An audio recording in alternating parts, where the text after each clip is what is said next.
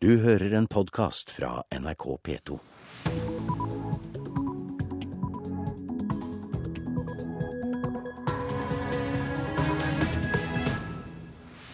Velkommen til Nyhetsmorgen. Klokka er 6.30. Programleder i dag er Anne Jetlund Hansen, og dette er våre hovedsaker. Norske myndigheter jobber for å få til en rask løsning for den norske kvinnen og den israelske mannen som er bortført i Sinai-ørkenen. Kypros er reddet, avtale inngått i natt etter harde forhandlinger i Brussel.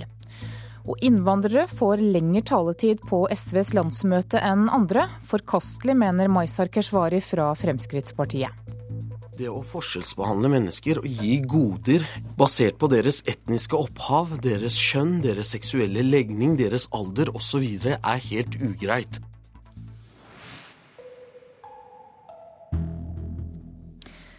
Vi begynner denne halvtimen med snøskred. For vi har lagt bak oss nok en helg med flere skred. I Troms omkom en mann i 30-årene da han ble tatt av et skred i går. Og i tillegg så ble en tolv år gammel gutt skadd da han ble tatt av snømasser i Sauda i Rogaland. Ekspertene advarer nå påsketuristene som er i fjellet. Og Jon Halvorsen, leder for rednings- og førstehjelpstjenesten i Norsk Folkehjelp, velkommen til Nyhetsmorgen. Takk skal du ha. Hvordan er snøskredfaren i øyeblikket? Den er høy. Den ligger på faregrad 3 i store deler av Nord-Norge og faregrad 2 i Sør-Norge. Og det er i den faregraden de fleste som blir tatt av snøskred og som omkommer, er ute og går på tur. Ja, hva innebærer denne, denne rangeringen? Nei, faregrad 3 det betyr at det kan gå skred når du beveger deg i bratt terreng. Og det er til og med sannsynlig at det skjer. Så da må man rett og slett unngå å være i eh, hellinger brattere enn 30 grader.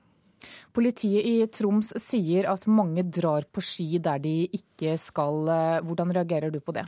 Vi har fått en ny gruppe folk som søker bratte opplevelser på fjellet. Og det virker som de på en måte forstår at det er farlig, men tar ikke konsekvensen av dødsrisikoen. Litt sånn som at folk ikke bruker sikkerhetsbelte når de kjører bil. Ja, hvor flinke er folk generelt da til å ta forholdsregler når de legger ut på tur? Generelt sett er vi i Norge veldig flinke når det gjelder friluftsliv. Går det an å si litt om eh, hvordan folk best skal oppføre seg for å sikre at det blir en bra påske? Vi regner med rekordpåske i år, med stor utfart, fine snøforhold. Det handler om å følge den norske tradisjonelle regelen med tur etter evne, og legge ut på tur som man har kompetanse, forutsetninger, utstyr for å gjøre. Hvordan er Norsk Folkehjelp forberedt? Vi har ressurser ute i hele landet. Alle politidistrikt er bemanna opp, og vi har 2000 mannskaper i beredskap hele året.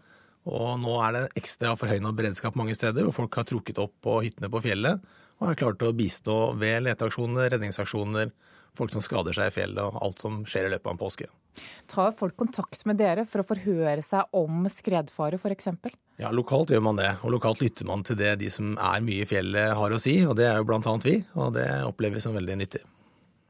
Du, påsken er også starten på båtsesongen for mange. Hvorfor skjer det så mange ulykker på sjøen i påsken? De siste par åra har vi hatt lite snø, og mange har starta båtsesongen tidlig og valgt å, å, bruke tid på sjøen. Og så tar man kanskje ikke helt høyde for at det er både annerledes værforhold og temperaturforhold vinterstid. Da. Og det er fortsatt vinter og kaldt i sjøen. Og da har vi hatt en del tragiske ulykker de siste årene på sjøen. Takk for at du kom til Nyhetsmorgen, Jon Halvorsen i Norsk Folkehjelp. For vi skal høre at de to siste påskene så har flere mennesker fått problemer til havs enn til fjells. Redningsmannskapene mener at det skyldes sen påske de siste årene. I år er påsken tidlig, men redningsskøyta i Oslofjorden ligger ikke på latsida. Der gjør de seg klare for påsken og starten på båtsesongen. Nå kan du sjekke at du har drivstoffet på. Det er der. Sjåken er der, tenninga er der. Ja, Står den på? på. Ja. Mannskapet på redningsskøyta Uni Oslo trener på å fjerne vann fra båter som har lekka inn litt av Oslofjorden. Ok, klar.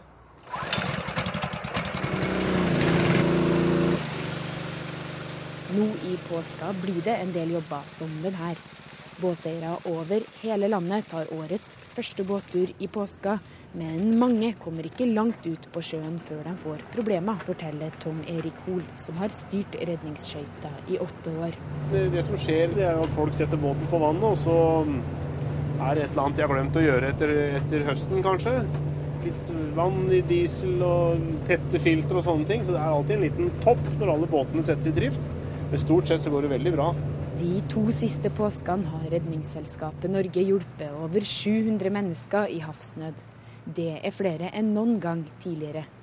Oppdragstall fra Redningsselskapet, Røde Kors og Norsk Folkehjelp viser at det til sammen var flere utrykninger til havs enn til fjells i påska 2011 og 2012.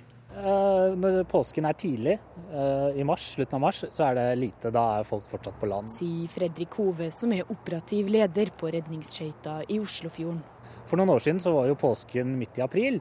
Da var det varmt, og isen var borte, og da var det vesentlig mer å gjøre. Men det er ikke, det er ikke mange oppdrag, men det er noen. Redningsskøyta i Oslofjord. Nå bruker vi våren til å øve. Hei. Trener eh, Karoline og elleve andre nye mannskaper som skal inn. tar vi og trener litt med de faste mannskapene våre. Så er vi operative nå. Så hvis det skjer et eller annet i fjorden nå, så skal vi kunne være i full operativ drift innen 30 minutter. Men, men oppdragene kommer stort sett når lystbåtflåten er i gang. Altså. Så de, fra påske og ut så begynner det nok å skje litt. Det sa en av styrmennene i redningsskøyta Uni Oslo, Fredrik Hove, og reporter her, det var Marit Gjelland. Da skal vi til siste nytt om bortføringen av en norsk kvinne og en israelsk mann på Sinai-halvøya. De to ble bortført av beduiner torsdag i forrige uke, og det har siden pågått forhandlinger for å få dem løslatt. Midtøsten-korrespondent Sigurd Falkenberg Mikkelsen, du er nå på vei i bil til Sinai. Du har vært i kontakt med familien til den bortførte israeleren. Hva sier de? Det de sier, er at de har fått løfter om at deres Det er broren som har fortalt at han skal bli frigitt i løpet av dagen. Men hvorvidt det stemmer eller ikke, det er vanskelig å, si. Og om dette er løfter som blir innfridd. Men det er også ting som tyder på at det kan være bevegelse i saken.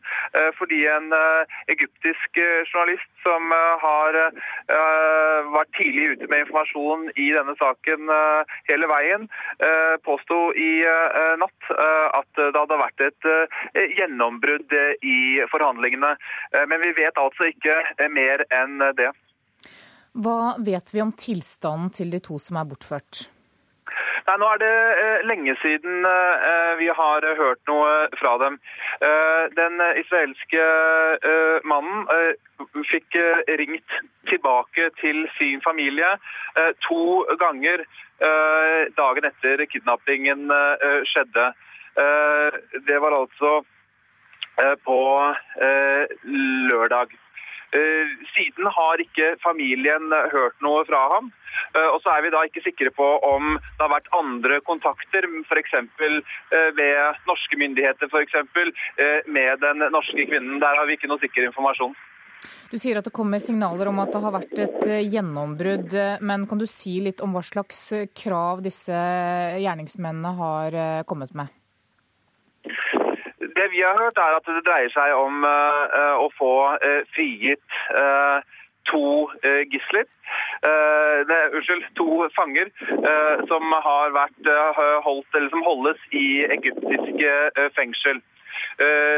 Dette, de skal sitte inne på uh, uh, narkotikasmuglingssaker. Uh, beduinene sier at de er, da er urettferdig holdt i egyptiske uh, fengsel.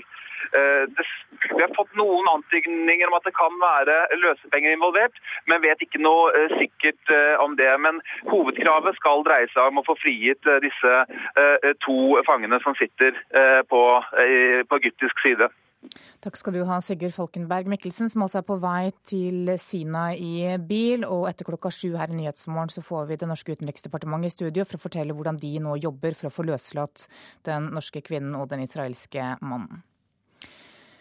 Da skal vi til Kypros. EU og Kypros skal være enige om hovedlinjene i en avtale som skal redde landet fra å gå konkurs. EUs økonomikommissær Olli Rehn sier avtalen er svært viktig. It was uh, absolutely essential that uh, an agreement uh, be reached uh, uh, uh, for Cyprus. Uh, we can now work to help uh, Cypriot people to rebuild uh, their economy. Ja, nå kan vi hjelpe Kypros å gjenoppbygge det økonomiske systemet deres, sier Ren. Og utenriksmedarbeider Halvard Sandberg, hva gjør de for å redde økonomien på Kypros? Ja, Detaljene rundt denne planen som da ble fremforhandlet eh, i natt, den kommer fortsatt eh, inn nå. Men det det ser ut som, er at den nest største banken på Kypros, den som har de fleste av de store russiske innskuddene, den blir sendt konkurs. Det skjer nå i natt.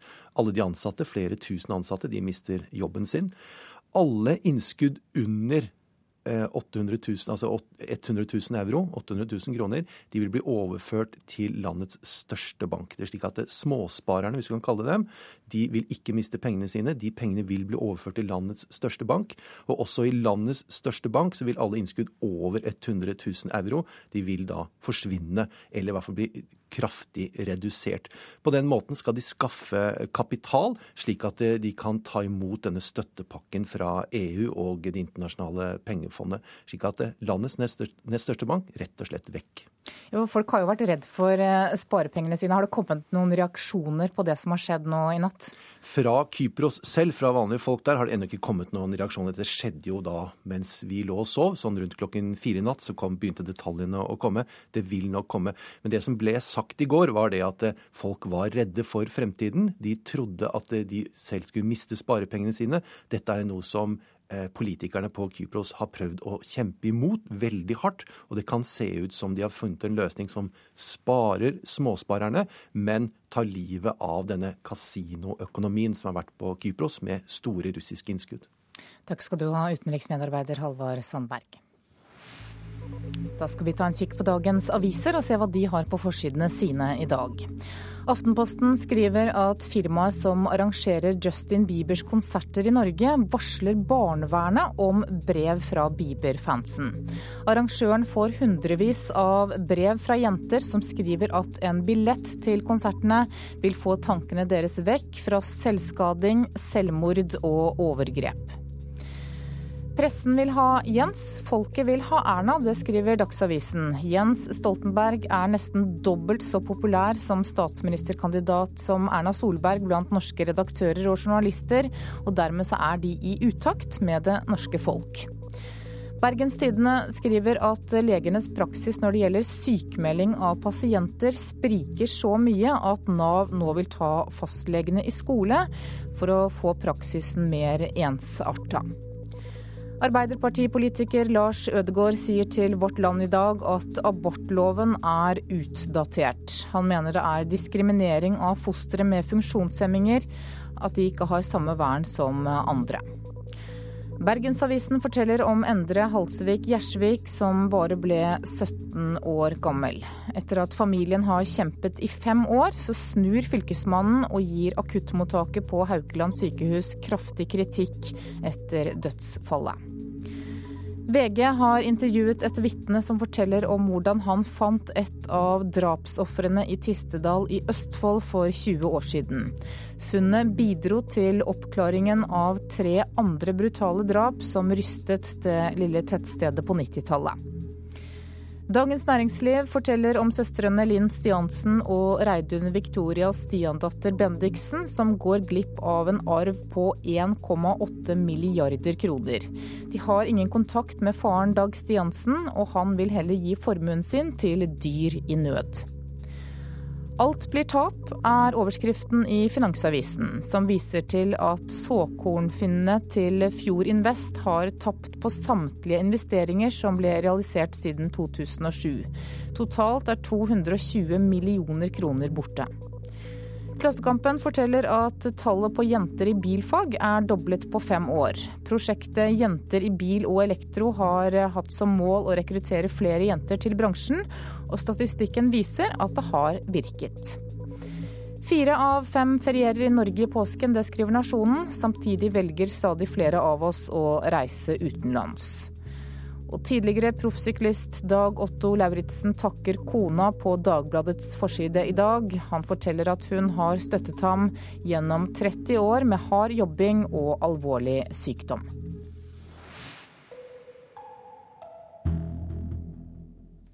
Da skal vi ha sport her i Nyhetsmorgen. Langrennsløper Marit Bjørgen tror svenske Charlotte Kalla kan bli hennes største utfordrer neste sesong. Bjørgen avsluttet med seier i Falun i Sverige i går, men tror at den svenske jenta vil slå tilbake og bidra til tøffere konkurranse, bl.a. under OL.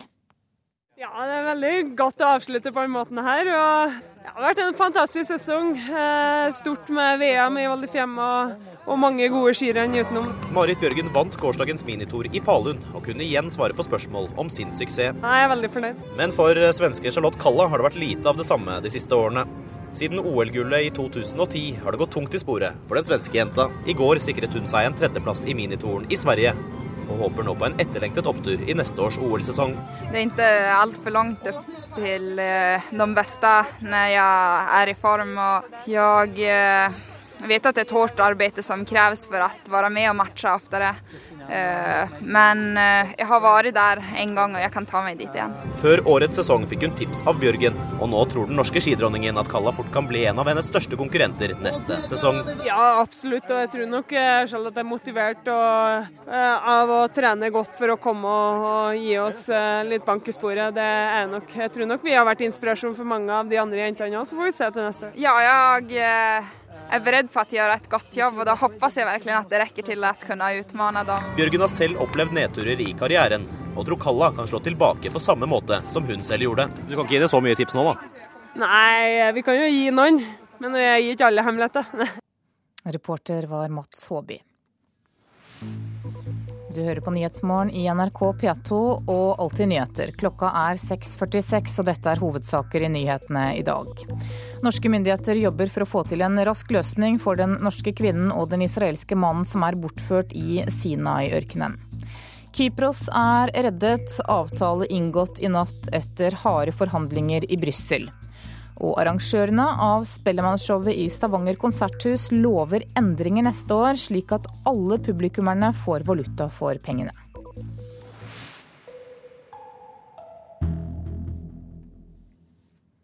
På SVs landsmøte fikk politikere med minoritetsbakgrunn ett minutt ekstra på talerstolen. Dette er forkastelig og diskriminerende, det mener Mazyar Keshvari fra Fremskrittspartiet. Han mener SV sender farlige signaler ved å forskjellsbehandle folk med ikke-norsk bakgrunn. Det å forskjellsbehandle mennesker og gi goder basert på deres etniske opphav, deres kjønn, deres seksuelle legning, deres alder osv. er helt ugreit. Nathan vant i forrige uke over det norske stat. Hun fikk to minutter på SVs talerstol på landsmøtet. Det må bli slutt på utsendelse av barn som er vokst opp i Norge. Hun kunne få tre minutter hvis hun ville, fordi hun har minoritetsbakgrunn. Jeg husker at da jeg sto i talerstolen og hadde bare to minutter, så ble jeg så stressa med å finne de riktige ordene på norsk. Altså ordene danset opp i hodet mitt på, på mitt eget morsmål. Gulay Kutal takket nei til det ekstra minuttet i år. Men hun forsvarer hvorfor SV gir medlemmer med minoritetsbakgrunn ett minutt ekstra på talerstolen på landsmøtet hvis de ønsker. Hvis man føler at man ikke kan språket godt nok til å kunne si det man vil si i løpet av to minutter, som er da vanlig taletid, så tør man ikke stå i talerstolen. Da går vi glipp av deltakelse fra det medlemmet. Vi vil at innvandrere skal delta i politiske prosesser. Da må vi ta oss råd til å bruke ett ekstra minutt, for det kan være helt avgjørende for noen på hvorvidt de skal eh, de tør stå i talerstolen eller ikke, og hvorvidt de klarer å formidle det de ville si. Vi har en slags form for handikap. Vi er svakere, og vi må hjelpes av sosialistene. Mazyar Keshvari fra Fremskrittspartiet reagerer kraftig på SVs regel. Det jeg reagerer på, er at SV og de røde stadig kommer med nye måter å forskjellsbehandle mennesker på som gir et inntrykk av at vi som ikke er født i Norge, som som meg selv, som er født i et annet land, men som har kommet hit, ikke er fullgode borgere, ikke er fullgode politikere. Reporter var Bjørn Myklebust. Ungdomsbedriften Fokus UB i Drammen holder kurs for skilte foreldre, og forretningsideen har vekket stor interesse blant offentlige etater og institusjoner. Ungdommene som holder foredrag er nå blitt kontaktet av erfarne samlivsmeklere, familievernkontor, prester og skoler. Ganske enkelt fordi de prater med hjertet der forskerne prater fra hodet. Vet dere hva? Jeg er så lei av å flytte frem og tilbake, frem og tilbake, frem og tilbake. Jeg er så lei av å spørre om jeg kan komme ned innom for å hente ting. Har jeg to hjem, eller er jeg bare på besøk? Var det bedre? Ja, det var bedre. De fem elevene i ungdomsbedriften øver på rollespill til foredraget de skal holde. De har alle skilte foreldre. Eh, jeg var 14-15 år. Altså, det kom ikke som noe sjokk for meg da, eh, at de skulle flytte fra hverandre, så jeg taklet det egentlig ganske greit akkurat da. Eh, men jeg merket jo fort at det ble konsekvenser av det, da. Så jeg hadde det ikke så veldig bra, holdt jeg på å si. Det var, det var tøft, det var jo det. Mm. På hvilken måte var det tøft, da? Nei, det, det er jo det med den eh, dårlige samvittigheten hele tiden. At du skal velge mellom mamma og pappa, da. Og det kommer jo opp i hver eneste situasjon. Mamma har jo ny kjæreste, og det er jo tøft. Det er jo det, fordi det er jo ikke sånn jeg tenkte at min familie skulle være. De vet så godt hvor skoen trykker. Så godt at når de startet en ungdomsbedrift der de skulle fortelle skilte foreldre hvordan det var å være dem, så fattet offentlige etater interesse.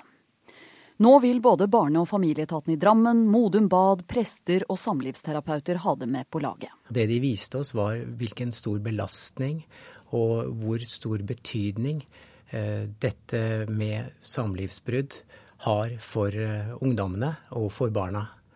Eh, de viste fram en, en, sorg. Det var som en sa, teppet blir revet under oss. Eh, og vi trenger tid til å bearbeide dette. Det lærte vi. Og vi lærte noen regler og noen råd med tanke på hva voksne skal gjøre. Det sier Harald Holm Nilsen som leder familievernkontoret i Drammen. Han har vært på foredrag med ungdommene, og han har også blitt ungdommenes mentor. Eh, vi forteller om hvordan vi har det, om hvordan skilsmissebarn generelt har det etter en skilsmisse, eh, som foreldre som oftest ikke er klar over. Hvor har jeg lagt den skjorta? Jeg har glemt den hos mamma igjen. Åh, pappa gidder aldri å kjøre meg til mamma nå for å hente den. For det første gir det jo, er det nesten umulig å ikke bli berørt av fremføringen deres. Eh, pluss at de kommer jo med noen helt klare råd og regler for eh, hva foreldre ikke skal gjøre. Og det handler jo da om feil som foreldre i dag eh, veldig ofte begår etter brudd og skilsmisser, eller i forbindelse med brudd og skilsmisser. På hvilken måte skal dere bruke dem? Vi har tenkt som kontor å ta det videre inn i vår region som da eh, består av eh, syv-åtte familievernkontor pluss en god del andre meklere, advokater og eh, det vi kalte for eksterne meklere. Og vi har bedt dem om å komme og framføre dette på en meklersamling til høsten. Da blir det en 80-90 meklere som sitter der, og de bare i fjor så meklet de 4000 saker.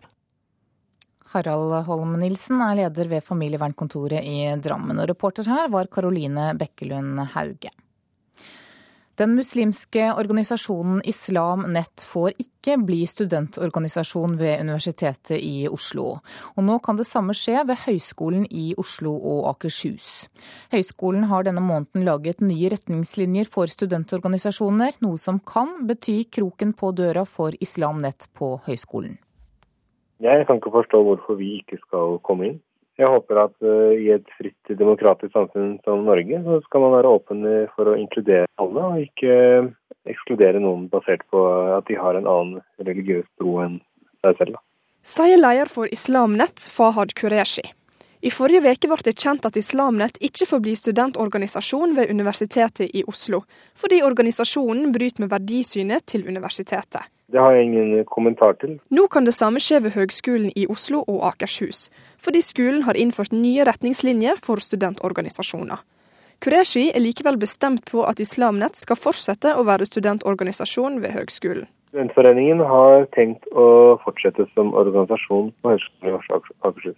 Fordi det er viktig med studentaktiviteter, og jeg kan ikke skjønne hvorfor studentforeningen ikke skal fortsette. Høgskolen i Oslo og Akershus har tidligere ikke hatt retningslinjer for hvem som kan være studentorganisasjoner ved skolen, noe det nå har gjort noe med. Høgskolen i Oslo og Akershus ble jo etablert 1.8 i 2011, og siden da har vi ikke hatt felles retningslinjer for etablering og registrering av studentforeninger. Så det er bakgrunnen for at vi nå har utarbeidet felles retningslinjer for den nye høgskolen. Sier direktør for Høgskolen i Oslo og Akershus, Ann Elisabeth Vedø. I april går søknadsfristen ut for å søke om å bli studentorganisasjon ved høgskolen. Da vil de nye retningslinjene, som bl.a. legger vekt på en demokratisk oppbygging, bli lagt til grunn for hvem som kan registreres som studentorganisasjoner. Vedø kan foreløpig ikke gi noe svar på om Islamnett får fortsette å være studentorganisasjon ved høgskolen. Vi må jo se på søknaden om de fyller vilkårene som er satt, og dersom de gjør det, så vil jo de på lik linje med andre studentforeninger bli etablert og registrert som studentforening hos oss. Dersom det ikke skulle skje, så innebærer det at de ikke fyller de kriteriene som er satt på lik linje med andre studentforeninger. Så da må jo de selv ta ansvar for å komme dit. Islamnett er også studentorganisasjon ved Universitetet i Tromsø. Der er det ikke retningslinjer for hvem som kan være med som studentorganisasjon. Og ifølge nestleder i studentparlamentet ved universitetet, Håvard Ure, har de foreløpig ingen planer om å innføre retningslinjer. Eh, vi venter og ser litt på hvordan det går i Oslo. Og så eh, vet jeg at det er folk i parlamentet som eh, ønsker å åpne for, for det på, i Tromsø også, men vi har ingen konkrete planer for det. Reporter var Camilla Indestad.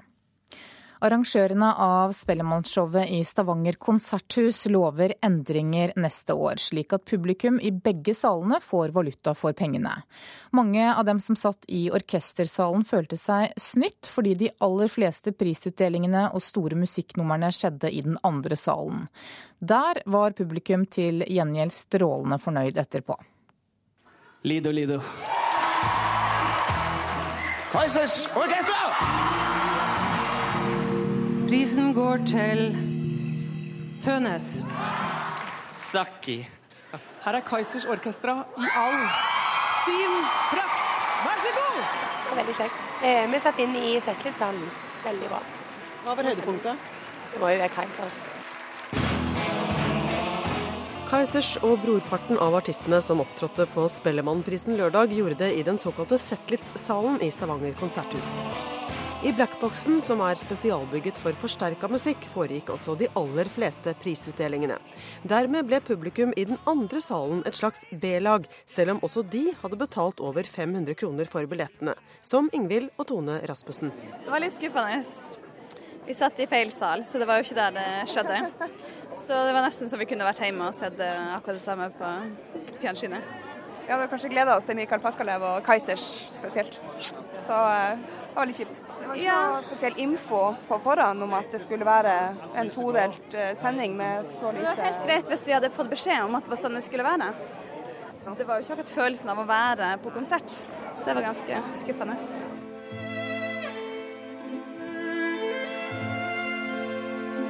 Tolv år gamle Joakim Rødbergshagen åpnet Spellemannshowet sammen med Kringkastingsorkesteret i den storslåtte Fartein Valen-salen, som er spesialbygget for akustisk musikk. Der satt også ordfører og styreleder i Konserthuset, Kristine Sagen Helgø.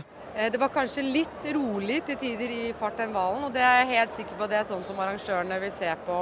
Men ellers så fungerte det jo veldig bra, for vi fikk jo med oss absolutt alt av det som skjedde i, i Zetlitz og ansvarlig produsent for TV-sendingen, Dag Varing i Dynamo, lover bot og bedring neste år. Spellemannprisen skal deles ut i Stavanger i minst tre år framover. Eh, hele utgangspunktet var jo at vi skulle bruke begge salene. Fordi da har vi muligheten til to viktige ting. Det ene å dele ut alle 21 prisene på TV-showet.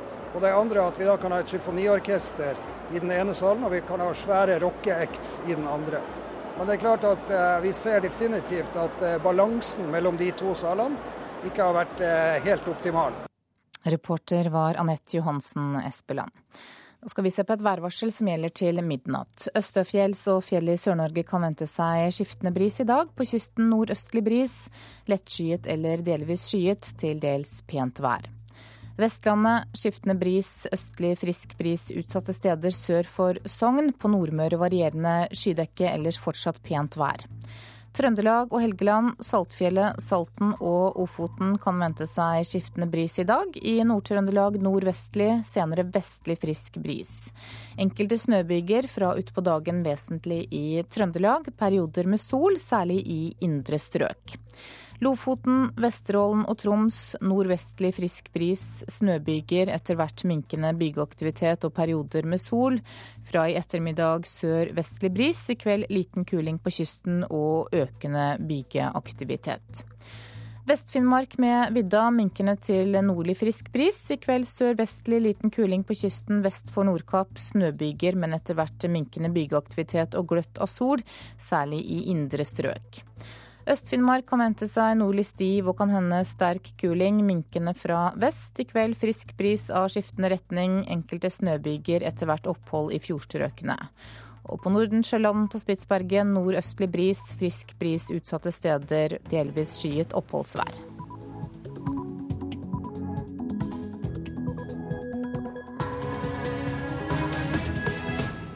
Klokka er sju. Du lytter til Nyhetsmorgen med Anne Jetlund Hansen i studio. Her er en nyhetsoppdatering. Det kommer nå signaler om at det har skjedd et gjennombrudd i arbeidet med å få løslatt den norske kvinnen og den israelske mannen som er bortført i Sinai-ørkenen. Det er også ting som tyder på at det kan være bevegelse i saken. Eh, fordi en eh, egyptisk eh, journalist påsto i natt at det hadde vært et gjennombrudd i forhandlingene rapporterte vår Midtøsten-korrespondent Sigurd Falkenberg Mikkelsen. Folk har for lite respekt for advarsler om snøskred, det mener politiet i Troms. Og Derfor er det all grunn på nytt å understreke og mane til forsiktighet. Vi er også bekymra for den værstasjonen vi har nå framover. Vi går inn i en tid hvor folk får en del mer fritid, og vi frykter at uh, nye ulykker kan skje. Sier stasjonssjef ved Tromsø politikammer Kurt Pettersen. Kypros er reddet. Avtale ble inngått i natt etter harde forhandlinger i Brussel. Grasrota fremmer krav om folkeavstemning om EØS-avtalen på Senterpartiets landsmøte. Jeg mener jo at eh, partiet nå begynner å bli litt for eh, redd Arbeiderpartiet. Vi er nødt til å stå krass på vår politikk.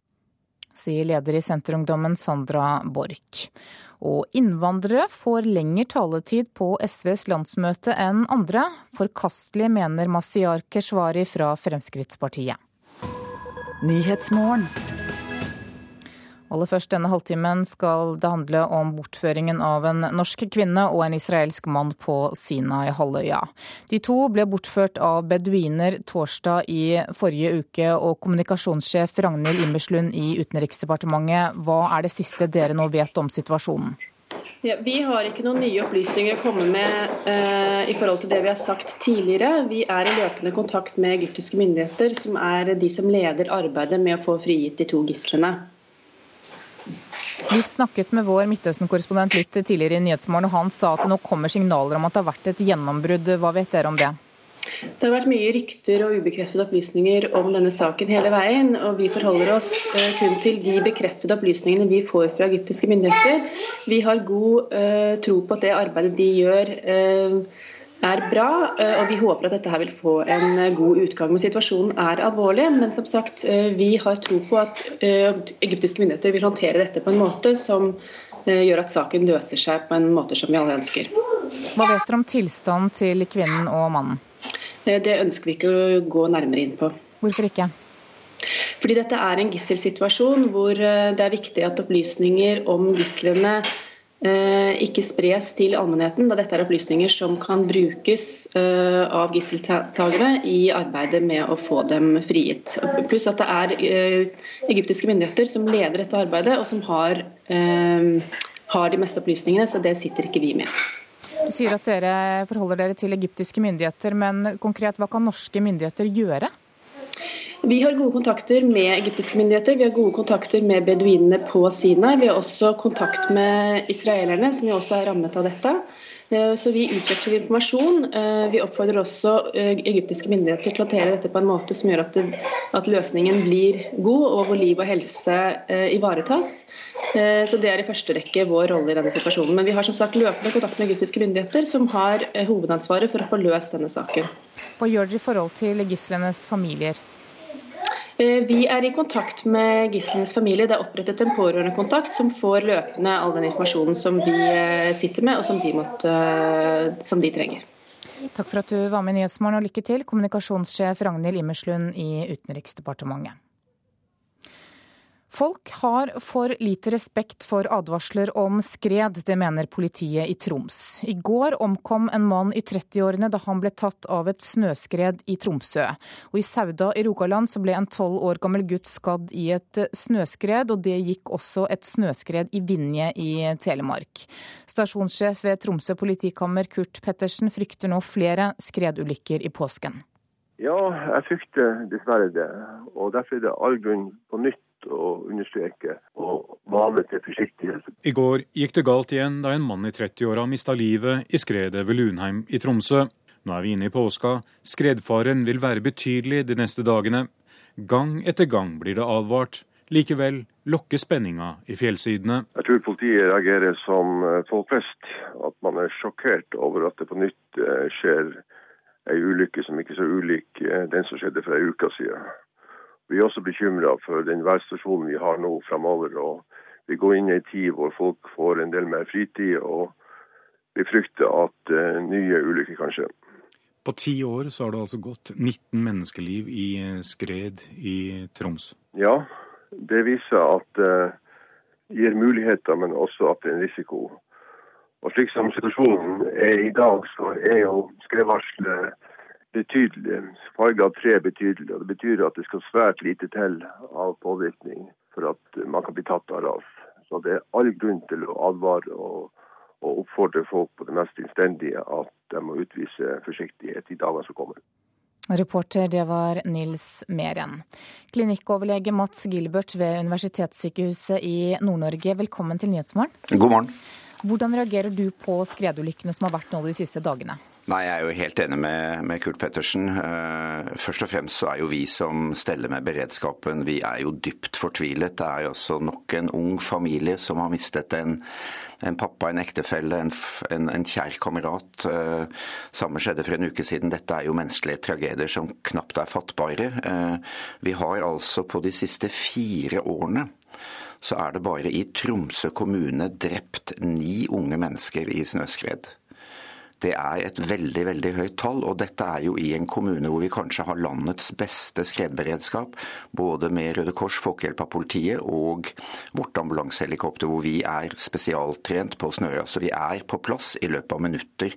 Det siste raset skjedde altså innen synsvidde fra universitetssykehuset. Vi kan se rett over på sykehuset fra dette rasstedet. Likevel kommer vi eh, til. Eh, selv om vi kommer så fort til, så kan vi altså ikke redde de som er tatt. Fordi kreftene i disse snørasene er så voldsomme at den menneskelige organismen kan ikke stå imot. Sånn at jeg tror nok kanskje, i tillegg til at eh, folk tror de har skredkunnskap og går med sendemottakere og ballongsekker og hva det måtte være, så har folk en overdreven tro på hva redningsmannskapene kan få til. Det hjelper fint lite. Når du er tatt av et stort skred, da blir du enten knust eller kvalt. Og den eneste måten å overleve på, det er å ikke bli tatt av skred. Hva opplever du som lege ved akuttmedisinsk avdeling når dere får inn folk som har vært i en snøskredulykke? Nei, det er jo fortvilelse. Det er jo, som, som sagt, så er det altså dessverre mange som er omkommet. Og det er jo fortvilte familier og, og turkamerater, selvfølgelig. Vi er også fortvilet. Vi ser overlevende som, som sliter. Eh, dette er jo en av de store årsakene til dødsfall eh, utenom sykdom i vårt fylke og i vår kommune. Og man kan jo stille seg spørsmålet hvis en annen fritidsaktivitet, f.eks. paragliding eller sportsdykking eller vindsurfing, hadde eh, forårsaket ni drepte på fire år, da ville det sannsynligvis blitt satt inn noen tiltak, men det virker som om vi har en slags aksept for snøras, eh, og vi overser de dystre statistikkene. Hvorfor er det sånn? Vanskelig å si. Eh, jeg tror nok eh, jeg tror nok mange tror at hvis de har gått en tur på en topp og kjørt bratt, og de har gjort liksom noen vurderinger og det har gått bra, så tror de at de har gjort, gjort riktige vurderinger. Eh, det er ikke nødvendigvis sant. Det kan være ren flaks. Altså Hvis man tok på seg bind for øynene og gikk ut på E6 eh, på en trafikkert dag og kom seg velberget over og sa at jeg gjorde en riktig vurdering, så ville vel de fleste sagt at nei, du hadde bare flaks. Og det kunne like gjerne gått galt. Eh, fjellene her i Troms er bratte, de har mye snø. Det er stor transport av snø, det er mye vind, det er mye farlige fonner og det er store temperatursvingninger. Alt dette gjør at snøforholdene er ekstremt lumske, og folk overvurderer sin egen evne til å forutse både skred og vurdere terrenget. Ja, hva kan gjøres med det, da? Nei, jeg tror vi må ha mer omfattende og grundigere holdningskampanjer der vi, der vi legger større vekt på å eh, få fram en mye, mye mer defensiv holdning Eh, slik at folk eh, skjønner at både bratthet og snøforhold gjør eh, situasjonen eh, livsfarlig uten at du kan se det. Det er jo det som er det skumle, du kan ikke se det. Og har du kjørt et lekkert spor, så tror du at det var en sikker eh, manøver. Eh, hvis du er i tvil om du skal gå på en topp eller kjøre en bratt side, ja da er du ikke i tvil, da skal du ikke gjøre det. Og dette gjelder jo ikke bare randonee- og telemarkskjøre, dette gjelder jo scooterfolk og vanlige turfolk. Eh, fjellene her i Troms er nå eh, i de bratte sidene rene dødsfeller, som vi har sett. Takk for at du var med i Nyhetsmorgen, klinikkoverlege Mats Gilbert ved Universitetssykehuset i Nord-Norge. Ledelsen i Senterpartiet blir møtt med krav om folkeavstemning om EØS-avtalen på landsmøtet rett over påske.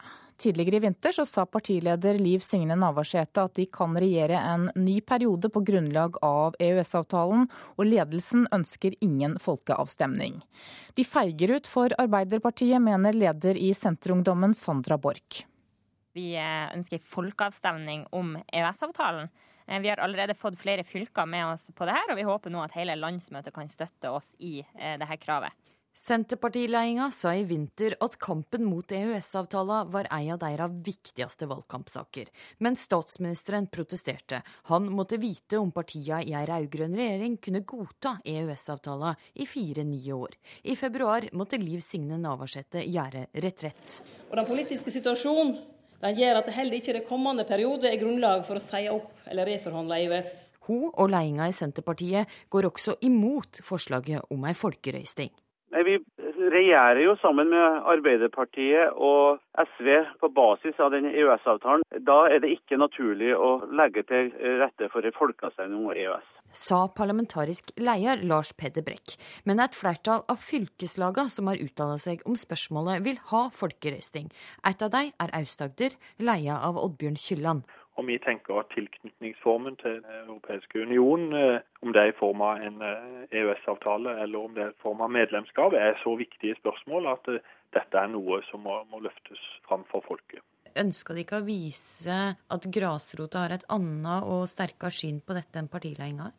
Jeg tror nok det er sånn at grasrota gjerne ønsker å markere seg overfor de andre partiene vi regjerer sammen med. Og det trengs, ifølge Sandra Borch. Jeg mener jo at eh, partiet nå begynner å bli litt for eh, redd Arbeiderpartiet. Vi er nødt til å stå krass på vår politikk. Vi er nødt til å fortsette å si at vi skal melde oss ut av EØS, og altså ha en folkeavstemning eh, om det. For det er kun da vi får en reell debatt. Jeg mener at Arbeiderpartiet i altfor stor grad påvirker Senterpartiet i deres politikkutforming nå.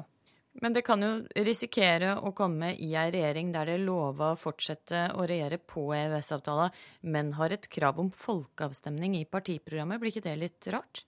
Eh, jeg mener det, det er ufarlig med folkeavstemning. Så får vi nå la folket avgjøre om, vil, eh, om de fortsatt vil ha EØS-avtalen eller ikke. Og så må jeg jo si at Regjeringsforhandlingene er jo ikke starta. Dem starter vi med etter valget. Og da må Senterpartiet vedta den politikken de har trua på, og den politikken de står for. Så kan vi begynne å forhandle. Reporter var Astrid Randen. Leder for samfunnsavdelingen i avisa Vårt Land, Berit Aalborg, velkommen til Nyhetsmorgen. EØS-avtalen er tydeligvis en varm potet i Senterpartiet nå. Hvorfor er dette en så vanskelig sak? Aller først vil jeg si at jeg tror dette her handler om en sterk irritasjon internt eh, i, eh, i, Senterpartiet. Fordi at Stoltenberg da har pressa ledelsen i Senterpartiet til å si at EØS-avtalen ligger fast. Og det at, det, det at, han har gjort det før eh, Senterpartiet sjøl har hatt landsmøte, det skaper nok irritasjon over et slags sånn lillebror At man blir pressa til, til, å uttale seg altså før landsmøtet i Senterpartiet har vært. Ja, hvor sterk er denne uroen? Jeg vil si at det er mer en irritasjon enn en uro. Men den er nok eh, over store deler av partiet, så Senterpartiet sin ledelse kan nok få et vedtak mot seg på landsmøtet. Hva kan EØS-saken få si da for et videre regjeringssamarbeid mellom Senterpartiet og Arbeiderpartiet dersom det blir aktuelt? Jeg tror ikke den vil få noe å si i det hele tatt, fordi Senterpartiet har nå sittet i åtte år og regjert på EØS-avtalen. Og det har eh, ledelsen sagt at de vil fortsette med. Så dette her er mer en slags symbolmarkering fra grasrota i Senterpartiet. Men nå må jo det også sies at det er ikke alle internt i Senterpartiet heller som vil ha en sånn folkeavstemning, for det kan faktisk føre til et symboltap for nei-sida i norsk politikk hvis det nå blir lagt ut på avstemning, for veldig mye tyder på at folket kommer til å si ja til EØS-avtalen. Sandra Borch i Sentrumungdommen mener at hun har gode muligheter for å nå fram med kravet da, om en folkeavstemning. Hvordan vurderer du det? Ja, jeg tror hun kan nå fram. Eh, det tror jeg hun kan gjøre. Men jeg vil ikke ha Altså, det er også, som jeg sa i stad, en del motstand mot å få en folkeavstemning pga. at dette kan bli et sterkt symboltap for nei-sida. Takk for at du kom til Nyhetsmorgen, leder for samfunnsavdelingen i Vårt Land, Berit Aalborg. Klokka er 7.15. Du hører på Nyhetsmorgen i NRK P2. Dette er hovedsaker i dag. Norske myndigheter jobber for å få til en rask løsning for den norske kvinnen og den israelske mannen som er bortført i Sinai-ørkenen. Folk har for lite respekt for advarsler om skred, det mener politiet i Troms. Og Kypros er reddet, avtale inngått i natt etter harde forhandlinger i Brussel.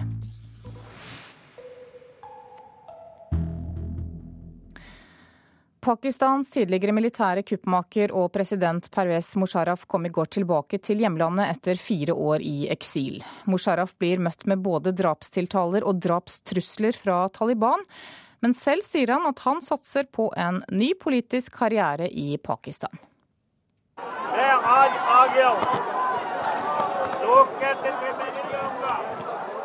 Pervez Musharraf ville gjerne framstå som den store nasjonale frelseren da han landa på flyplassen i Karachi i går, etter fire år i sjølpålagt eksil. Hvor er det Pakistan jeg reiste fra for fire år siden, spurte han. Hvor er det? Hjertet mitt gret tårer av blod når jeg ser hva slags tilstand landet mitt er i i dag, roper han ut til de feststemte tilhengerne som hilser han velkommen. Her er jeg, folk sa at jeg ikke ville komme, hvor er disse folka nå, de som sa at jeg ikke ville komme tilbake? Folk har prøvd å skremme meg, men jeg frykter ingen andre enn Gud, roper Musharraf. Jeg trodde kanskje at regjeringa ville be meg komme tilbake og redde Pakistan, det gjorde den ikke, sa han der han prøvde å overdøve støyen, og så la han til, men i dag ber nasjonen meg om å komme. Og slik starta han valgkampen som han håper skal føre han inn i nasjonalforsamlinga med partiene har stifta i eksil. Men å dømme etter velkomsten noen hundre, om en lydsterke tilhengere, er han langt unna å få oppfylt drømmen om det store politiske comebacket ved valget 11. mai. Og motstanderne til Musharraf er av ulike slag. Taliban truger med å drepe han. Når sjakalen nærmer seg døden, setter han kurs mot byen, sier denne røysta fra pakistanske Taliban i en video som er sendt ut i samband med Musharrafs heimkomst. Islamske mujahedin har trent ei spesialavdeling som skal sende Pervez Musharraf til helvete, sier stemma. Pervez Musharraf, you can see this death squad around me. We want you to surrender yourself to us. Videoen viser uniformerte kampgrupper som øver i åsidene, mens trusselen blir verbalt konkretisert. Selvmordsbombere, snikskyttere og nærkampspesialister. Og en soldat sier Pervez Musharraf, her kan du se dødsskvadronen rundt meg. Overgi det, eller så slår vi til mot deg når du minst venter det. Den tidligere presidenten er godt kjent med truslene og hevder at han ikke bryr seg.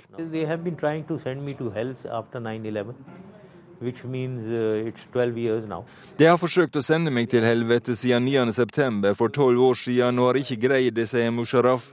Om de er grunnløse eller ikke, jeg er ikke den typen som lar seg skremme av slike kunngjøringer.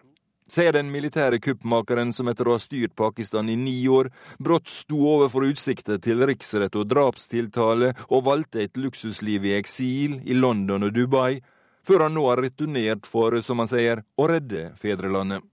Reporter var Gunnar Myklebust. Cecilie Landsverk, du er Norges ambassadør i Pakistan og med oss nå fra Islamabad. Hvor stor oppmerksomhet får Musharrafs hjemkomst der?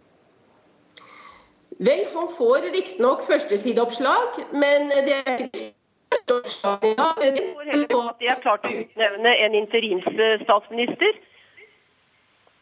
Beklager, jeg lurer på om du kan ta svaret ditt en gang til, ja, for du datt litt ut her et øyeblikk. Eh, hvor, hvor stor oppmerksomhet får hjemkomsten? Ja, jeg sier Han eh, får riktignok førstesideoppslag, men det er ikke de største oppslagene. For det er som folk syns kanskje er enda viktigere. Hvordan er reaksjonene på hans politiske comeback? Eh, foreløpig så er det ikke mange reaksjoner, og det tyder for så vidt på at det er ikke mange som eh, regner med eller frykter at han får en vesentlig plass nå i valgkampen. Og Det er også et tegn på at folk har nå tro på at de skal klare å gjennomføre et demokratisk valg. Og eh, at Musharraf skulle få en vesentlig plass i dette valget, er det vel ikke så mange som tror. Ja, hvordan er den politiske situasjonen i, i Pakistan i øyeblikket? Vel, altså Det positive for øyeblikket er nettopp den store oppslutningen om å få gjennomført et demokratisk valg. Og Dette er jo faktisk første gang i Pakistans historie at man skal gjennomføre et demokratisk valg i henhold til grunnlovens eh, regler for dette. Altså at en, et demokratisk styre skal overta etter et annet demokratisk styre. Og Det er folk opptatt av, og de aller fleste pakistanere ønsker at de skal klare å få dette til. Så Det overskygger kanskje litt det som er av en del negative nyheter også i Pakistan eh, akkurat nå. I form av at det er fortsatt uh, mye terror og voldsutøvelse, og at den økonomiske situasjonen jo er dårlig. Ja, Det er over fem år siden Benazir Bhutto døde, og landet styres av sønnen hennes. Musharraf blir altså beskyldt for å ha vært med på å planlegge og drepe henne. Eh, hva slags uro kan det føre til nå når han kommer tilbake? Først og fremst er det jo hans eh, ekte, eh, Bhutto, Benazir Bhuttos ektemann som da sitter som president. Og så er det jo da nå et interimstyre, som jo for så vidt da ikke tilhører det partiet. Det er klart det vil skape uro, dette her, her. Hvis man ser tilbake på Musharrafs historie, hva han har stått for, eh, så er det mange som har, hater han, og som ikke ønsker å se han tilbake. Og Det var jo innslag her på hvordan nettopp eh, pakistanske Taliban, eh, men også for så vidt andre krefter, ønsker å ta livet av han. Og Det ser jeg ikke bort fra, dessverre, at de kan klare å få til. Eh, for de er nok ganske målrettet i forhold til dette. Men naturligvis, det håper vi at ikke skal skje. Det viktigste for Pakistan nå er jo å få gjennomført et eh, fredelig, demokratisk valg. Takk for at du var med i Nyhetsmorgen, Cecilie Landsverk, som altså er Norges ambassadør i Pakistan. Kypros ligger nå an til å få en økonomisk hjelpepakke. I natt ble de 17 landene som har euro som valuta enige med kypriotiske myndigheter om en ny plan. Planen innebærer harde tiltak i den kypriotiske banksektoren. Det var sent i natt de forlot møtelokalene i Brussel. I tolv timer hadde tautrekkingen foregått. Bakgrunnen var den økonomiske krisen, men mer akutt en tidsfrist som gikk ut i dag. Uten en avtale så vil det ikke komme friske penger inn til den skakkjørte økonomien. Uten friske penger ingen mulighet til å betale gjeld.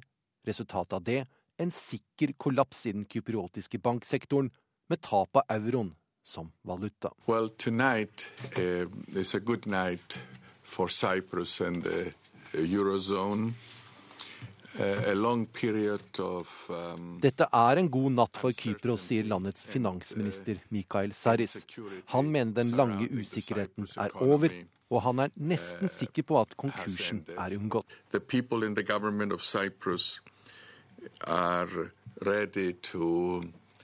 Um, Men rapporten tyder på at Sarris kjempet i det lengste for å unngå akkurat det som har skjedd. Han ønsket å bevare landets store internasjonale banksektor, med innskudd bl.a. fra rike russere. Det avtalen innebærer, er bl.a. at landets nest største bank nå stenger dørene. Alle innskudd over 100 000 euro i banken blir inndratt til fordel for statskassen. Ingen småsparere blir berørt. Deres innskudd overføres til landets største bank, som dermed blir en frisk bank som man kan leve videre med.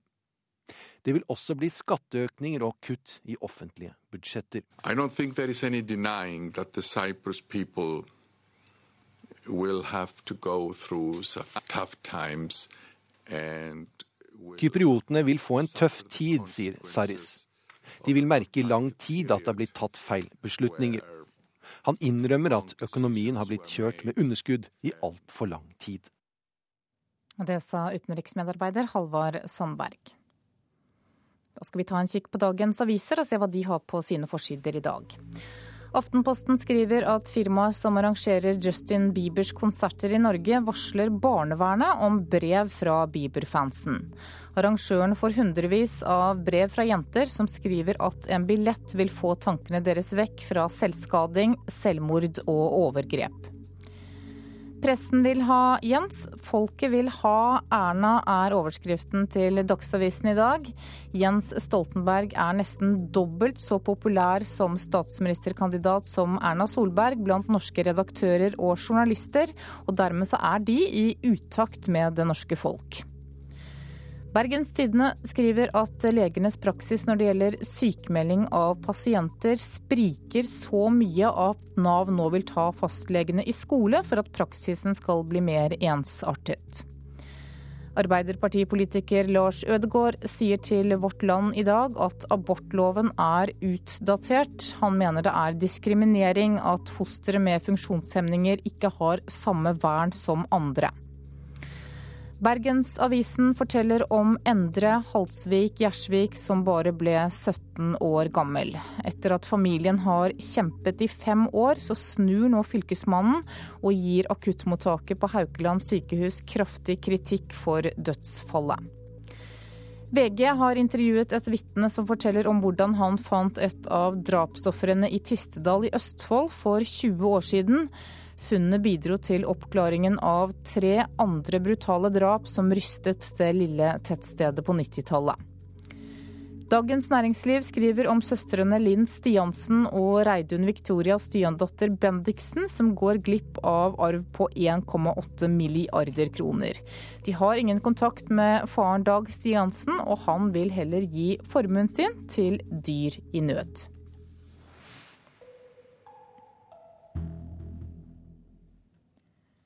Skal vi høre at stadig flere eldre tar høyere utdanning. På tolv år så har antall søkere eldre enn 50 år doblet seg. Mens noen 76-åringer ville foretrukket å legge kabal og gå på eldresenteret for en kaffe, så handler hverdagen om alt annet for Ingjerd Huseby fra Horten. Tre dager i uka så sitter hun i forelesningssalene på Høgskolen i Vestfold. Og så har vi Marx har vi vært igjennom. Og så er det Durkheim, da, som også er en, en uh, grunnlegger av sosiologien. Så har det amerikan... Ingjerd har en litt annerledes hverdag enn pensjonister flest. For hjemme er stuebordet fullt av pensumbøker og markeringstusjer.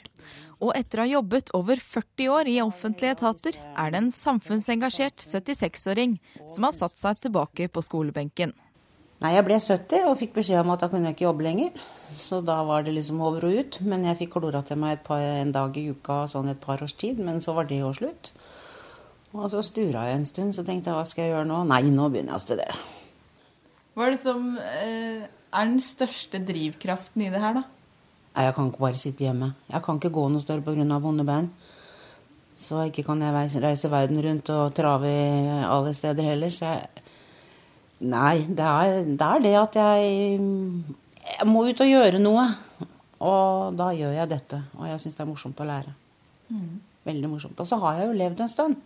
Så dette med sosiologi, det er jo da en, et påfyll av det jeg kanskje ante noe om før. Fylte igjen en masse hull jeg hadde tidligere. Rektor ved Høgskolen i Vestfold, Petter Aasen, har sett tendenser til at flere pensjonister søker seg inn på høyere utdanning og dette mener han bare er sunt for miljøet på skolen. både for den enkelte som studerer, men også for hva skal vi si, studentmassen, så kan det være positivt å ha en blanding av unge og nye i livet, og noen som har levd et liv, og som har erfaringer som de også kan ta seg med inn i studiene.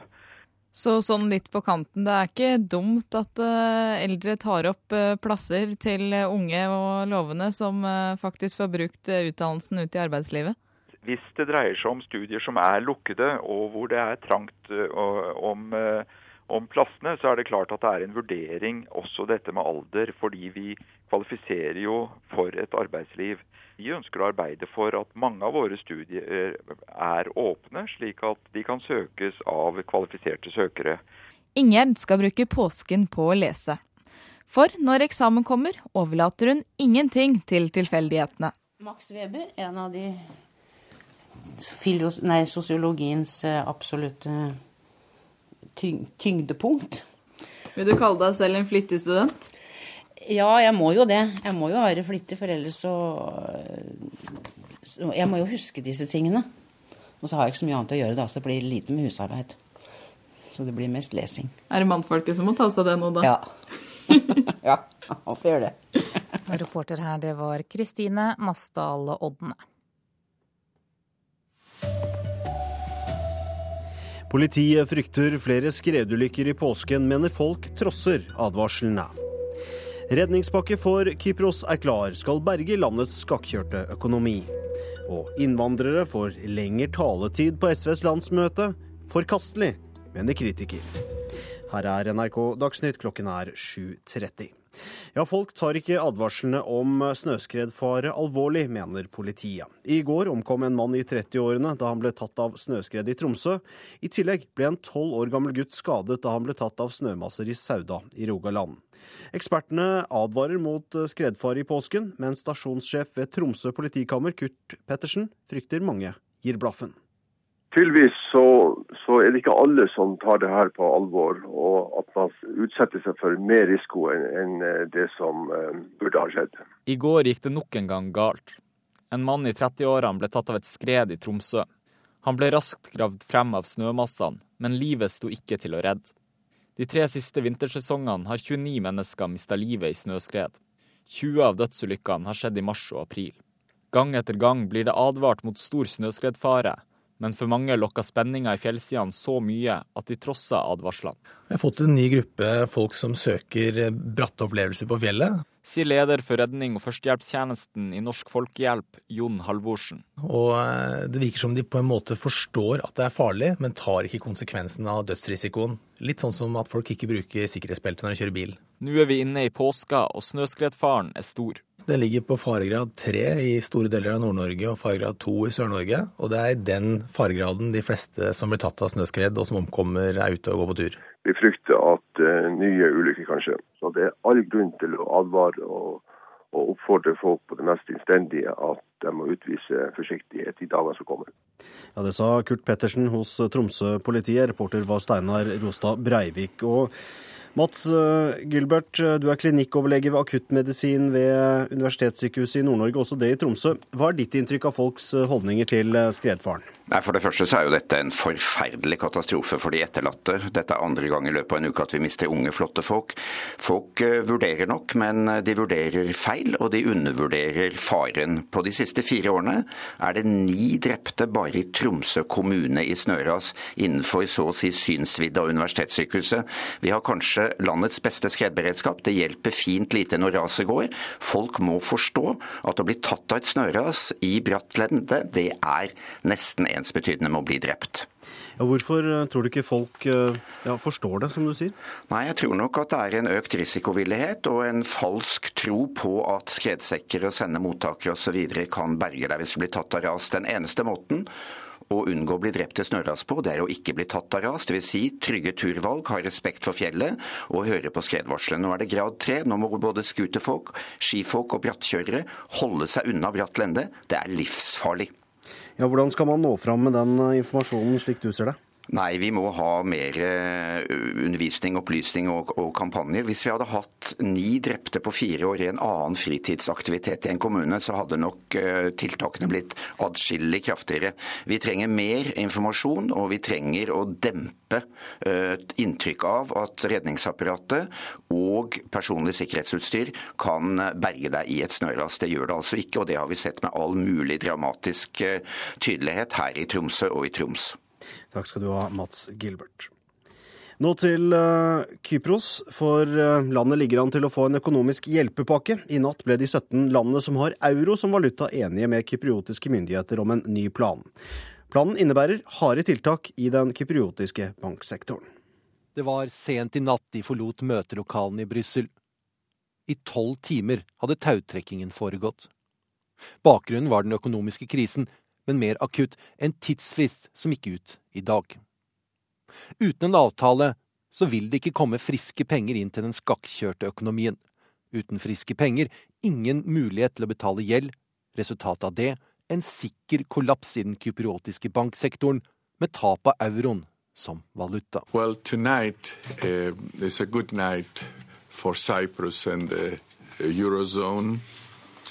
Dette er en god natt for Kypros, sier landets finansminister Mikael Saris. Han mener den lange usikkerheten er over, og han er nesten sikker på at konkursen er unngått. Det avtalen innebærer, er bl.a. at landets nest største bank nå stenger dørene. Alle innskudd over 100 000 euro i banken blir inndratt til fordel for statskassen, Ingen småsparere blir berørt. Deres innskudd overføres til landets største bank, som dermed blir en frisk bank som man kan leve videre med. Det vil også bli skatteøkninger og kutt i offentlige budsjetter. Sa utenriksmedarbeider Halvard Sandberg.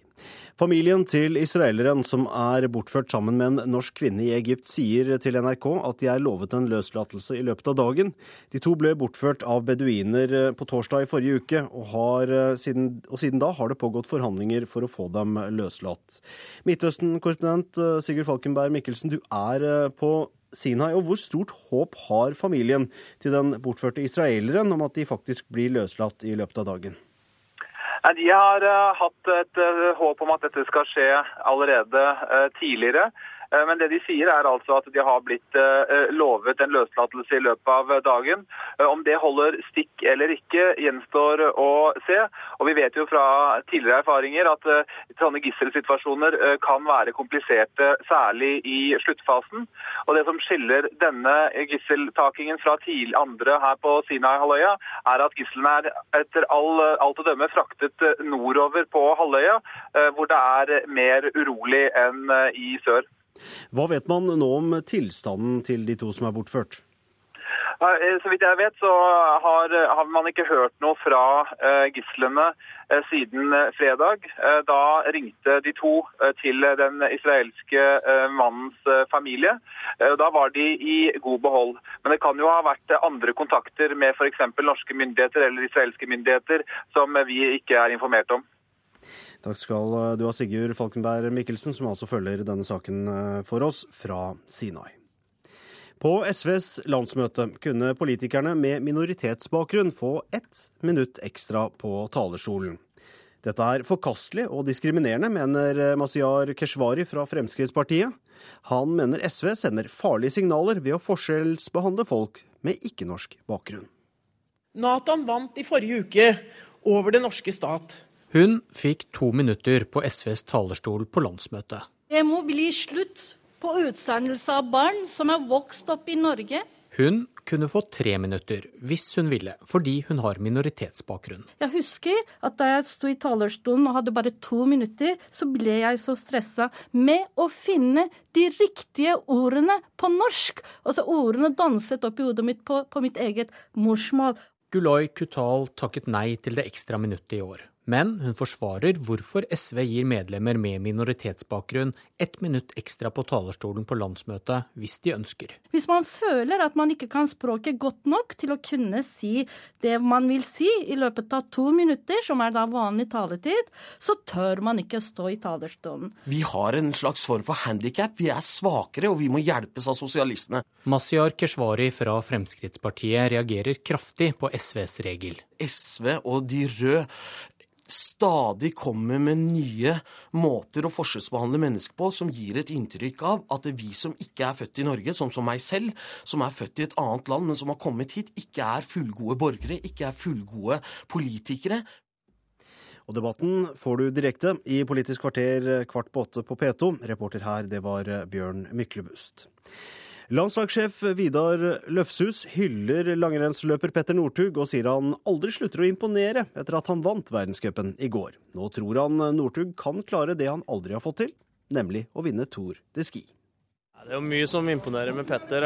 Det er hele tida noe som imponerer meg. Han slutter aldri å overraske. Selv om verdenscupvinneren har verdens største og beste støtteapparat, sliter allikevel Løfshus med å forklare suksessen. Hvorfor han er det, det vet jeg ikke, men han eh, evner veldig å motivere seg. og tror han har god nytte av all den høydetreninga som han har lagt ned fram til mesterskapet. Så det er vanskelig å si, men han er alltid god på slutten av sesongen. Fra Norway, Petter Northug! Hovedpersonen selv ønsker å tenke på andre ting enn staver og langrennsspor framover. Det har vært en eh, lang sesong og veldig mye døgn i høyden, så det skal bli godt å gjøre litt andre ting.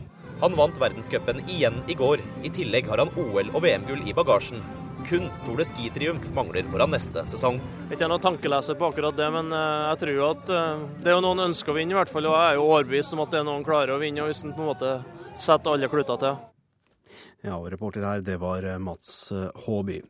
Ansvarlig for Dagsnytt-sendingene denne morgenen er Anne Skårseth. Hanne Lunås hadde det tekniske ansvaret. Jeg heter Arne Fossland. Klokka er 7.40, Nyhetsmorgen fortsetter. Det skal nå handle om det USA kaller krigen mot terror, som i stadig større grad blir kjempet med førerløse, fjernstyrte fly i land som Jemen og Pakistan. USA sier at dette er den mest effektive måten å bekjempe Al Qaida på uten sivile tap. Men når reporter Daniel Øhman fra Sveriges Radio drar til Jemen og ser nærmere på det siste droneangrepet der, så finner han ut at iallfall to av de fire drepte var uskyldige ofre. Bilen vi färdas i bromsar in strax efter en vägspärr på en grusväg. En timmes bilfärd söder om Jemens huvudstad Sanaa. På marken syns fyra hål. Den 23 januari i år attackerade ett obemannat fjärrstyrt flygplan, en drönare, en bil som färdades här på vägen.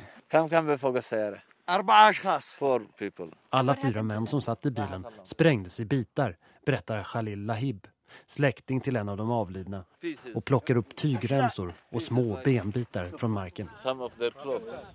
Det mesta tyder på att männen som USA var ute efter satt i baksätet på bilen. De hade fått lift av två män från en grannby. En 22-årig student som extra knäckte som taxichaufför och en 33-årig lärare. Då missilen träffar dem.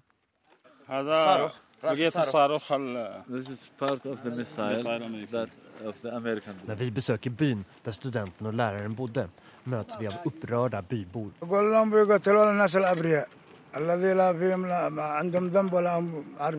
De døder uskyldige sivile. De har ikke rett til å døde mennesker på det settet, sier studentens pappa Hussein Ahmad Al-Kauli.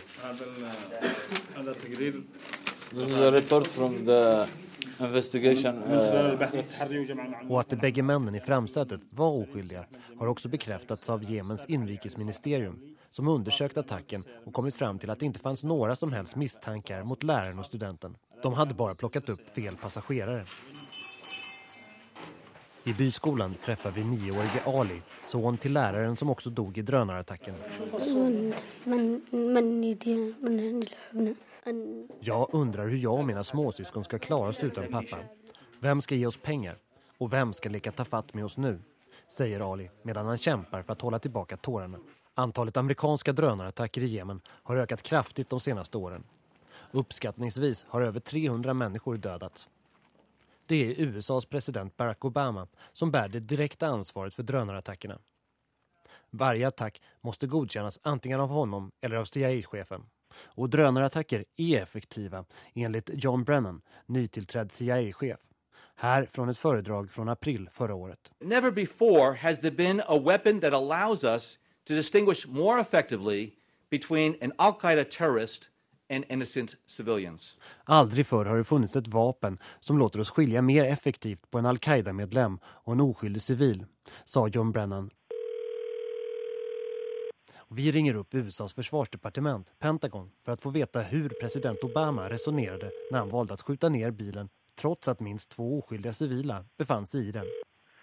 OSD Press Desk, Lieutenant Colonel Miller, may I help you? Wesley Miller är pressansvarig för Mellanöstern.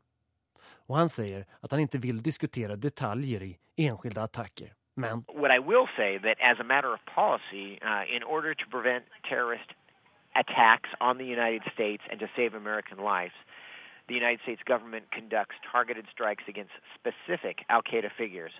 Uh, but again, I'm not going to uh, discuss specifics of, uh, of any given strike. Reporter var Daniel Øhman fra Sveriges Radio. Klokka er 7.44. Dette er hovedsaker i Nyhetsmorgen. Familien til israeleren som er bortført sammen med en norsk kvinne i Egypt, sier til NRK at de er lovet en løslatelse i løpet av dagen. Folk har for lite respekt for advarsler om skred, det mener politiet i Troms. Og Kypros er reddet. I natt ble det inngått en avtale etter harde forhandlinger i eh, Brussel. Er det greit å gi minoriteter ekstra taletid? Det blir det debatt om i Politisk kvarter, programleder Bjørn Myklebust. Alle med minoritetsbakgrunn på SVs landsmøte fikk tilbud om ett minutt ekstra på talerstolen. Et diskriminerende og nedlatende tilbud, mener en som kunne fått et ekstra minutt hvis han var SV-er.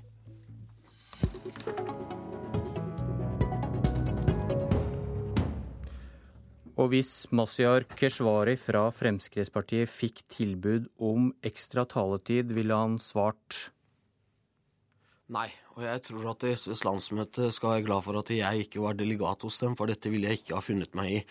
Det å gi noen eh, ekstra taletid basert på deres etniske opprinnelse, det syns jeg er eh, veldig uheldig og forkastelig, for å være helt ærlig. Fordi det gir et eh, inntrykk av at vi som ikke er født i Norge, eller som har foreldre som ikke er født i Norge. Vi er ikke likeverdige de andre delegatene på landsmøtene til våre respektive partier. Eh, vi har på et slags måte en form for handikap som må eh, jevnes ut ved at eh, vi får mer taletid. Og vi kan bare tenke oss, programleder, reaksjoner hvis det hadde vært motsatt.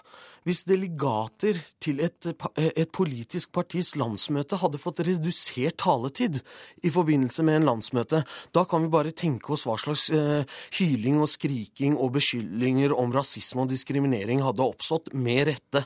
Gulai Kutal i SV, hvorfor hadde dere tilbud om ekstra lang taletid for minoriteter? Ja, Først må jeg si at jeg syns det er veldig artig at uh, Fremskrittspartiet er interessert i våre regler og for forretningsorden og vedtekter i vårt parti. Det syns jeg faktisk er veldig bra. Vi i SV tar partidemokratiet på alvor. Vi mener at alle skal delta i politiske prosesser, og demokratisk deltakelse er viktig for oss. Alle skal få si hva de mener, og alle skal gjøre seg forstått.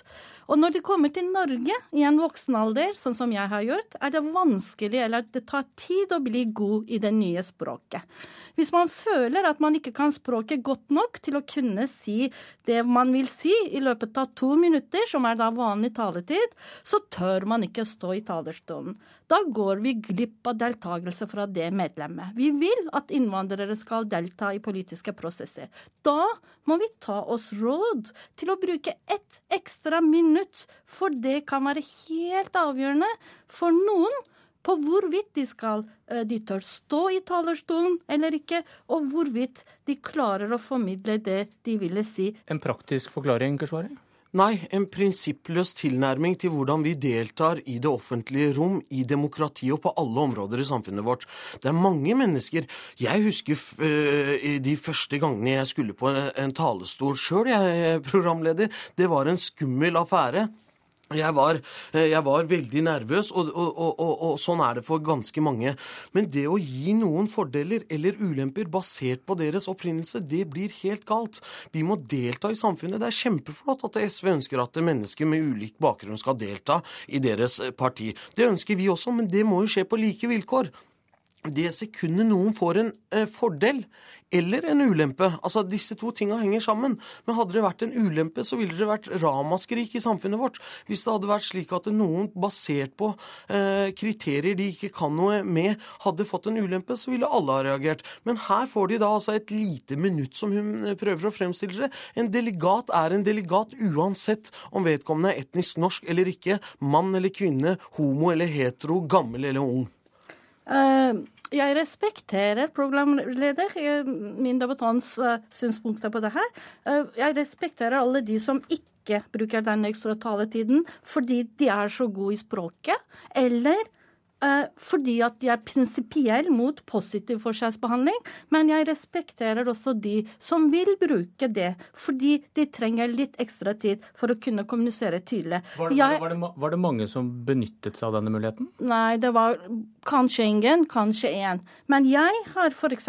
da brukt denne muligheten i begynnelsen av mitt partiarbeid, fordi jeg husker at da jeg sto i talerstolen og hadde bare to minutter, så ble jeg så stressa med å finne de riktige ordene på norsk. Altså ordene danset opp i hodet mitt på, på mitt eget morsmål. Og kunne man, jeg må jo spørre, kunne du etter å ha bodd f.eks. i Spania i to år, hvis du hadde ønsket å delta i politiske prosesser og holde, også gi et politisk eh, bud til dine partimedlemmer, hadde du klart deg i to minutter, eller hadde du ønsket deg kanskje et lite ekstra minutt? Hadde det vært greit hvis vi i Oslo bystyre eller i landets nasjonalforsamling hadde gjort det samme som SV gjør i sin egen eh, partiorganisasjon? Hadde det vært greit å gi noen fordeler basert på deres etniske opprinnelse, skjønn, alder eller andre kriterier? Det hadde vært helt uhørt. Hvorfor det? Fordi demokratiet innebærer at vi skal bli behandlet likt. Det er like rammer. Det er mange som kan bli stresset av å ha en taletid på to minutter. Men det er jo likt for alle. Og hvis man ikke behersker det stresset og ikke behersker de formene, så får man øve seg. Ser vi her en sånn klassisk forskjell mellom Frp, som mener det er et individuelt ansvar, mens dere mener det er et kollektivt ansvar å jevne ut noen forskjeller? Ja, vi gjør kanskje det. Men jeg må bare minne han om at dette her er våre regler. Og vi er ikke folkevalgte innenfor i, i vårt eget parti. Vi er ikke folkevalgte når vi sitter og diskuterer ting i vårt landsmøte eller andre møter. så jeg syns det er veldig positivt at Frp vil vite mer om det her. Men dette her er våre egne greier. Sånn sett så mener jeg at det er opp til oss hvordan vi vil gjøre det her. Men i tillegg så er det en, en prinsipiell forskjell. Helt enig i det. for, for for oss så er positiv forskjellsbehandling vanlig. Altså Vi positiv forskjellsbehandler når vi f.eks. sier at innvandrere skal kvoteres inn i arbeid. Men det jeg syns er trist når SV opererer på denne måten, og hun sa jo selv også innledningsvis at det var muligens ingen eller en som gjorde det, det er de signalene man gir ut av, og det er hvordan dette blir oppfattet av unge, eh, flotte innvandrerungdom som kanskje vurderer å engasjere seg politisk. På nok et felt så blir de behandlet som om de skulle hatt et handikap eller et ulempe bare fordi de har en annen etnisk opprinnelse, eller at deres foreldre har en annen etnisk opprinnelse. De får ikke konkurrere på like vilkår. Det er det signalet SV gir. Hvis du er innvandrer, så er du ikke fullgod delegat på, FS, eh, på, SVs landsmøte. Du har en ulempe i og med at du har en annen opprinnelse, og det må vi jevne ut ved å gi deg et minutt. Det at, det at ingen, nesten ingen da bruker denne rettigheten, Kutal, eh, kan det være at noen skammer seg for å be om det? Eh, det varierer fra tid til annen. Kommer dere til å fortsette med denne regelen? Eh, vi skal fortsette med denne regelen. Og den eneste gangen vi forskjellsbehandler, det er når vi positivt forskjellsbehandler, og det er nettopp for å gi folk muligheter til vi har oppnådd en ekte og reell likestilling og et fullt integrert samfunn.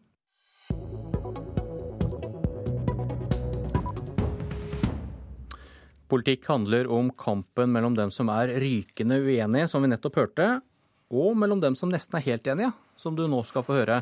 Hanna Markussen i Miljøpartiet De Grønne, dere må kanskje angripe andre miljøpartier for å bli synlige? Det er jo ikke det vi aller helst egentlig ønsker å gjøre. Eh, for det er jo klart at sånn vi ser det, så er det Arbeiderpartiet, Høyre og Frp som er de virkelige fossilpartiene på Stortinget som nekter å legge om til en fornybar framtid. Men så er det jo en grunn til at jeg er medlem av Miljøpartiet De Grønne, og de alle medlemmene hos oss er det. Og det er jo at vi ikke synes at de andre partiene som snakker om miljø, er gode nok. Hvis ikke så ville vi selvsagt ikke valgt å være i et eget parti. Per Magnus Sandsmark, du sitter i Venstres landsstyre og kjemper for å komme inn på Stortinget. Er Miljøpartiet De Grønne farlige? Nei, Miljøpartiet De Grønne er ikke farlige. Jeg er for alle som kjemper for miljøet. Jeg. Men jeg er jo opptatt av at man skal finne gode løsninger for miljøet. Og Det er hyggelig å være ren og rank og tydelig i miljøpolitikken, eh, men er ikke, du er ikke mye til ridder med en blank rustning. En god ridder den er, går i kamp, den samarbeider med andre for å finne gode løsninger. Og Det er viktig at man da har partier som samarbeider med andre partier for å finne gode miljøløsninger for landet vårt. Du må ha litt olje på rustningen, hørte jeg deg si nå. Ja, man må godt ha olje eller hva som helst på rustningen for at det skal gå, men det er klart at eh, i Norge så har ingen av miljøpartiene flertall alene. Da må man samarbeide med andre. Og jeg er stolt av at vi får noen eh, slag i rustningen vår innimellom. Når det førte til at vi i 2003 med to på Stortinget klarte å stoppe oljeboring utenfor Lofoten og Vesterålen. Når vi fikk til belønningsordning for kollektivtrafikk. Når vi fikk til bybane i Bergen. Og andre viktige miljøløsninger eh, for landet vårt. Markussen, dere hadde en bredside mot SV før deres landsmøte. Og snart skal da Sandsmark og Venstre samles. og blir kritikken mot dem annerledes? Ja, altså Noe av det som vi syns er problematisk med både SV og Venstre, er at de har knyttet seg opp eh, veldig tydelig til hvert sitt blokkalternativ. Og vi mener at det er miljøet som taper på blokkpolitikken. Eh, så vi skulle ønske at de i mindre grad knyttet seg opp til hvert sitt store fossilparti, nettopp fordi at miljøet er så viktig, og det må settes foran blokkpolitikken. Så selv om man oppnår noe, så tror vi at miljøet tjener på å ha et parti som står friere i forhold til blokkdelingen i politikken. Sånn som man uansett regjering kan kjempe for miljøsaker og bidra til å få et grønnere storting. Sandsmark? Ja, jeg vil jo heller sitte i en regjering som stopper oljeboring, enn å sitte utenfor en regjering som innfører oljeboring. Og Det er litt sånn vi må tenke i norsk politikk. Vi har tradisjon for å samarbeide, og det har Venstre òg. Tradisjon for å samarbeide på tvers av blokkene. Da vi var i mindretallsregjering sist, så var Høyre, KrF og Venstre kunne gjøre om flertall med SV. Det gjorde vi i flere miljøsaker, og det var en måte å finne gode løsninger på. For da får vi bidd fast det Hanna Markussen kaller eh, fossilpartiene til masta, eh, og at vi får samarbeida for det beste for miljøet. Ja, trenger vi De Grønne? Ligger jo under her, da. Hvis det er som Sandsmark sier, at Venstre på borgerlig side kan binde opp, eh, opp Høyre f.eks. I, i, i Lofoten-saken, og SV har tilsvarende rolle på rød-grønn side. Eh, jeg mener definitivt vi trenger Miljøpartiet De Grønne. Og, og, selv om det er veldig flott, og vi er veldig enige i forhold til Lofoten-saken, jeg syns det er veldig flott at både SV og Venstre kjemper i den, for den så er det jo helt klart at det er en del spørsmål som ikke blir reist på Stortinget. Vi mener at vi er nødt til å ta Norge helt ut av oljealderen. At vi er nødt til å snakke om en helt fornybar fremtid i Norge. Og Det er f.eks. et spørsmål som ikke diskuteres på Stortinget i dag. Eh, samtlige partier stemte bl.a. for eh, oljemeldingen, som legger opp til et først, fortsatt høyt utvinningstempo på norsk sokkel. Så vi mener at vi trenger et helgrønt parti på Stortinget. Og det vi ser i land som Sverige og Tyskland, hvor vi har sterke grønne partier, så er det jo at de er langt mer ambisiøse i forhold til klimapolitikk. Vær, vær konkret i forhold til Sandsmark og Venstre. Hvor er det du mener de svikter da? Jeg mener de skulle vært tydeligere at selv om det er veldig flott som sagt med Lofoten, Vesterålen og Senja å holde det oljefritt, så trenger vi en større debatt i forhold til å fase ut oljenæringen og fase inn andre fornybare næringer i Norge. Der opplever ikke jeg at Venstre i dag er så ambisiøse. De er enkeltsaker, men ikke det store bildet. Eh, I forhold til det å ha et parti som, som sier at livskvalitet er viktigere kanskje en mer forbruksvekst. Det opplever jeg heller ikke at Venstre tar de store debattene. Så det er som sagt, Venstre har mye god politikk, men vi mener definitivt at det er behov for et grønt parti som tør å ta de mer grunnleggende debattene i forhold til miljø, og som egentlig dreier seg om livsgrunnlaget til våre barn. Oljeutvinningstakt og, og forbruksvekst, eh, Sandsmark, det var utfordringene? Ja, det er klart at uh, oljeutvinningstakten må ned, og det ligger òg Venstre eh, opp til. Det er jo også sånn at eh, Man må huske at folk og næringsliv er en del av løsninga, ikke en del av problemet. Og jeg syns det er trist at, ikke, at De Grønne ikke ser det at både folk og marked og næringsliv må være en del av løsninga for å få det til, for det er den virkeligheten vi lever i. Og Jeg er derfor stolt jeg, av at både NHO-forbund og Fremtiden i våre hender anbefaler å stemme Venstre. Og Det er fordi at vi klarer å kombinere eh, miljøpolitikken og næringslivspolitikken, eh, sånn at man både får skapt nye grønne arbeidsplasser. For det glemmer ofte De Grønne i praten om, om forbruksvekst og eh, om en fornybar framtid, at disse arbeidsplassene må også skapes. Og da må vi legge til rette for et næringsliv som kan gjøre det. Du, Jeg startet med å spørre om eh, Markussen var farlig. Er det en fare for at miljøvelgerne sprer seg for tynt til høsten? Sandsmark? Jeg har jo et håp om at det finnes nok eh, miljøvelgere til at vi bare kan være miljøfolk på Stortinget. Men det er det ikke sikkert at, eh, at finnes det. Er klart at jeg vil jo håpe at miljøvelgere stemmer på partier som er villige til å få gjennom miljøpolitikken sin, og ikke bare mene det, men som er villige til å samarbeide for å finne de løsningene. Men Markusen, i spørsmålet så lå det at hvis, hvis du stjeler en del stemmer fra Sandspark, så kan det jo paradoksalt føre til at ingen av dere kommer på Stortinget? Eh, det tror jeg ikke er riktig, og vårt primærmål er jo faktisk å også nå ut til miljøbevisste velgere både i Arbeiderpartiet og i Høyre, for vi vet at det er mange miljøbevisste velgere som stemmer på de i dag, men som savner en mer offensiv klimapolitikk. Og det er heller ikke riktig at ikke vi kan samarbeide med andre politiske partier, ei heller at ikke vi er for et næringsliv. Hva, det, hva, er Det Grønne da? Er det, er det et borgerlig parti? Er det et rød-grønt parti? Nei, vi er et blokkuavhengig parti, og hvis man ser til Grønne partier på en måte så kan du si et sentrumsparti, men det, det, det fjerner litt den grønne dimensjonen som vi mener eh, er overskridende i forhold til blokkpolitikk. At mye av det som handler om blokkpolitikk, handler ikke om den utfordringen som er den viktigste at vi løser, og det er å ta vare på ressursene for våre barn. Ok, takk for debatten begge to. Politisk kvarter er slutt. Jeg heter Bjørn Myklebøst. Du har hørt en podkast fra NRK P2.